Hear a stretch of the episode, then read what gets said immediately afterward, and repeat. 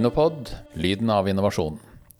Denne podkasten er laget i samarbeid mellom Innovasjonsverket i Viken fylkeskommune og innovasjonsselskapet Inoco.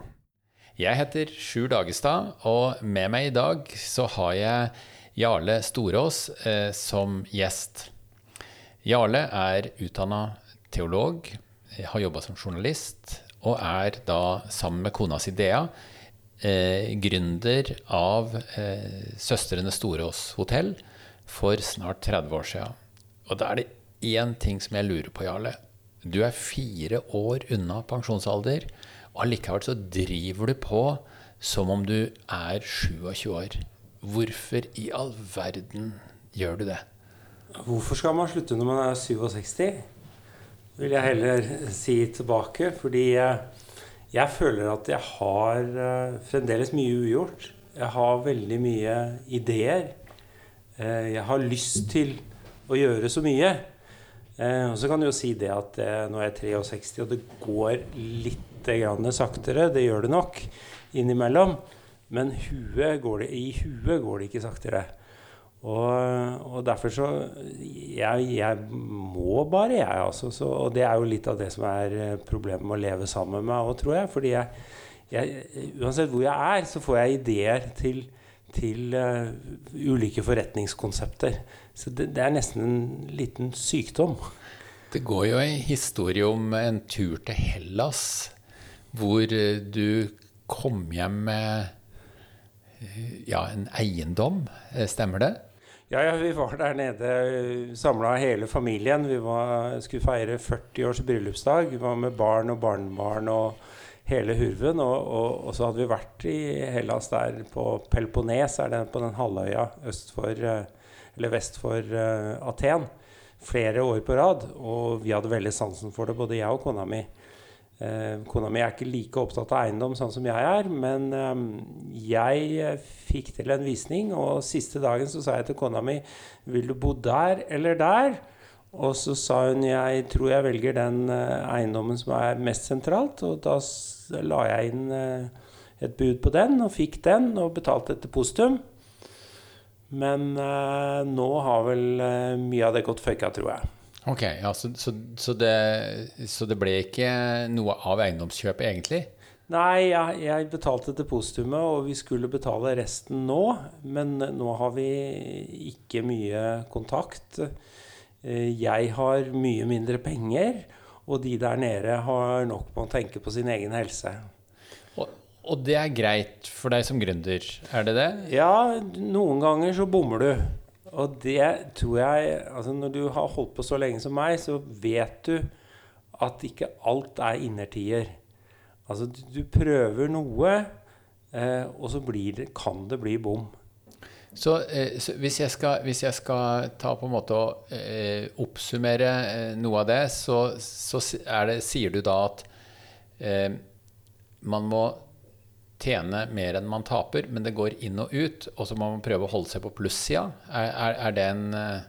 Ja, i det store og det hele så er det Det bør være resultatet, ja. Da, men innimellom så er det ubalanse. Og for tiden så er det ubalanse. ja, og det, og det er Nå er det jo koronatider, og jeg vet at dere har hatt eh, ganske tøffe tak her på Søstrene Storås hotell. Ja, reiselivet er, er veldig tøft uh, ramma. Jeg ser at vi har et omsetningstap på mellom 33 og 34 millioner på, på de virksomhetene vi driver, når vi sammenligner med 2019. Uh, og det er tøft. Uh, det er flere medarbeidere som går permittert. Noen har valgt å slutte, tar videreutdanning. Uh, vi har ikke sagt opp noen, men men det er, på hotellet f.eks. er det bare halv stab. Og på event som vi gjør, eh, har gjort rundt i hele verden, der er det ingen som jobber. Og på aktivitetsselskapet, der er det heller ingen som jobber. Så, mm, så, så det er veldig, veldig veldig tøffe tak. Men vi, vi, har på en måte ikke satt oss ned og, og mm, vært passive. Fordi vi var i gang med en strategiprosess før koronaen brøt ut. Den starta vi med på høsten 2019. Og hvor målet var å lage mer bærekraftig tilbud Både på reiser og event, og på hotellet og på aktiviteter.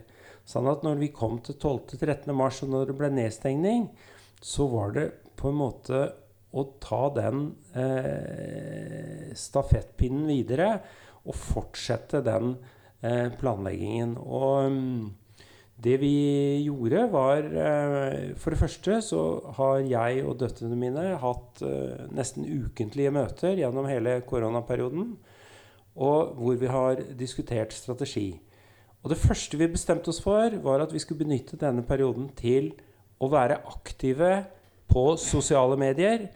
Og vi skulle være synlige i aviser og radio og, og alle medier. Og det har vi lykkes kjempemye med. Og så skulle vi jobbe videre med en strategi mot å bli, ha et mye mer bærekraftig eh, tilbud. Og um, det førte til at det Jeg kan komme tilbake til det senere, men jeg, jeg har vært på sykehuset ganske mye i vår. Og har sittet på sykehuset og skrevet søknader til Innovasjon Norge og Viken og, og andre eh, for å, å, forberede bedriftene her til en ny verden. Eh, og der skal det offentlige ha honnør. De har bidratt med penger, og de har jobbet raskt. Veldig, veldig raskt. Men, men til tross for at du var sjuk, så, så, så, var det ikke snakk om å legge seg ned. Det er snakk om å reise seg opp igjen så raskt som overhodet mulig.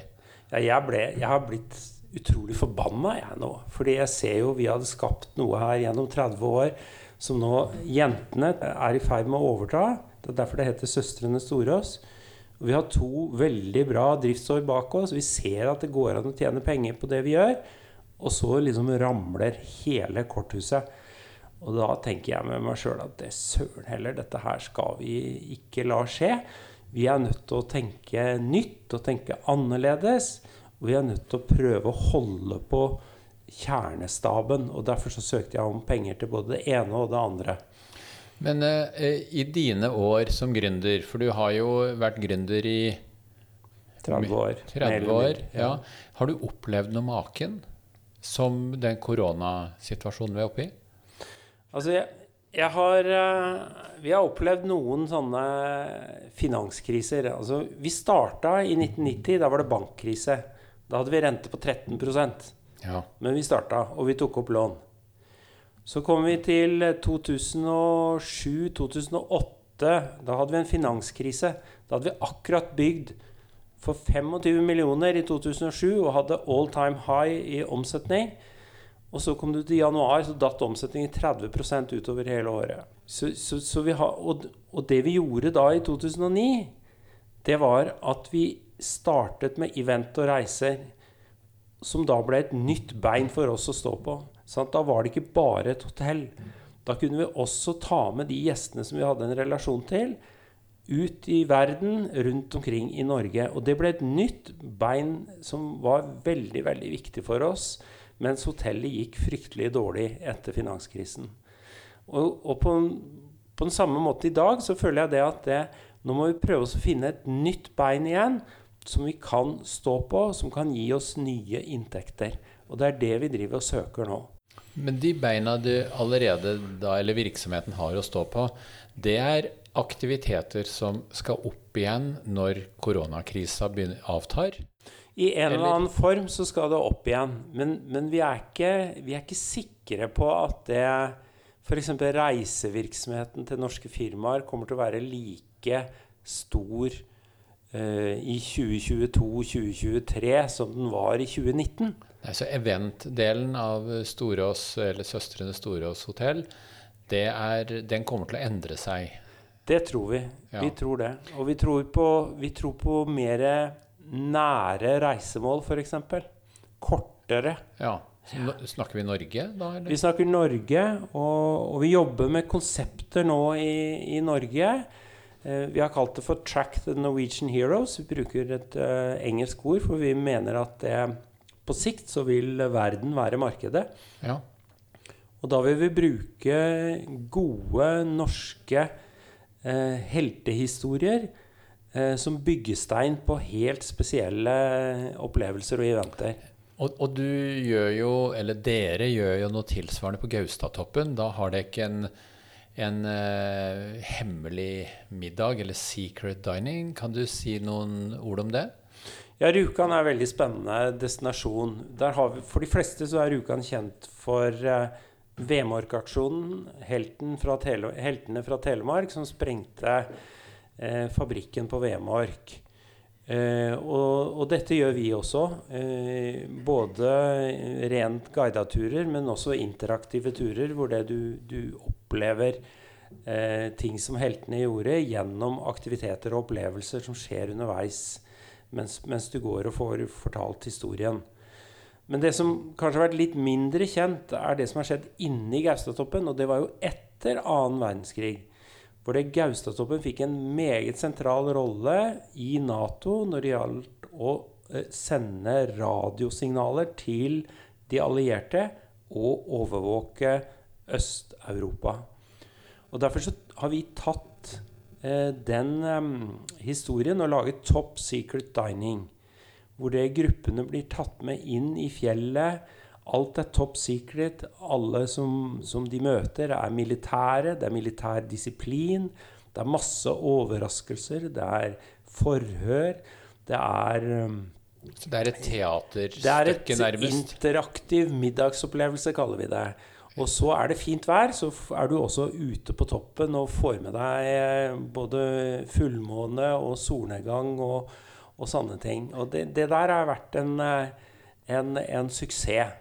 Så, så, det er rett og slett en Snakker vi en annerledes opplevelse? En, en, annerledes middagsopplevelse? Det er veldig, veldig annerledes. Og mange av de som har vært der, de sier liksom Dette har vi aldri opplevd før. Det er noe med rammen. altså Du, du havner på 1800 meters høyde, hvor du inntar middag.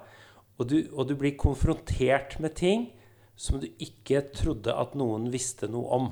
Mer kan jeg ikke si, for resten er hemmelig. Ja, ja, det, Og de som kommer dit, er det enkeltpersoner, eller er det grupper? Eller? Det er grupper. Det, det, fungerer veldig dårlig med enkeltpersoner. For vi er avhengig av at det er en gruppe for oss å få til det, det spillet og det dramaet som vi som vi, som så, vi så, det er typisk firmaer som er kunder her? Altså. Typiske firmaer, ja. ja, riktig, det, ja. Veldig mye ledergrupper og, og styresamlinger og sånt noe som kommer.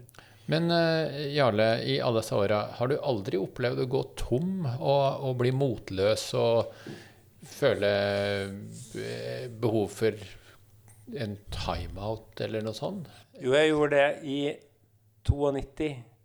Da hadde jeg eh, avisjobb, og så hadde vi eh, holdt på å etablere bedriften her i to år.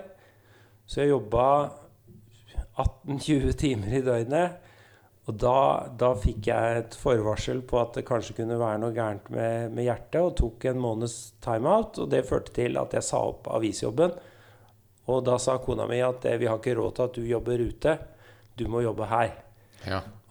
og da jobba jeg Da tok jeg det alvorlig, og så fokuserte vi på å bygge bedriften her.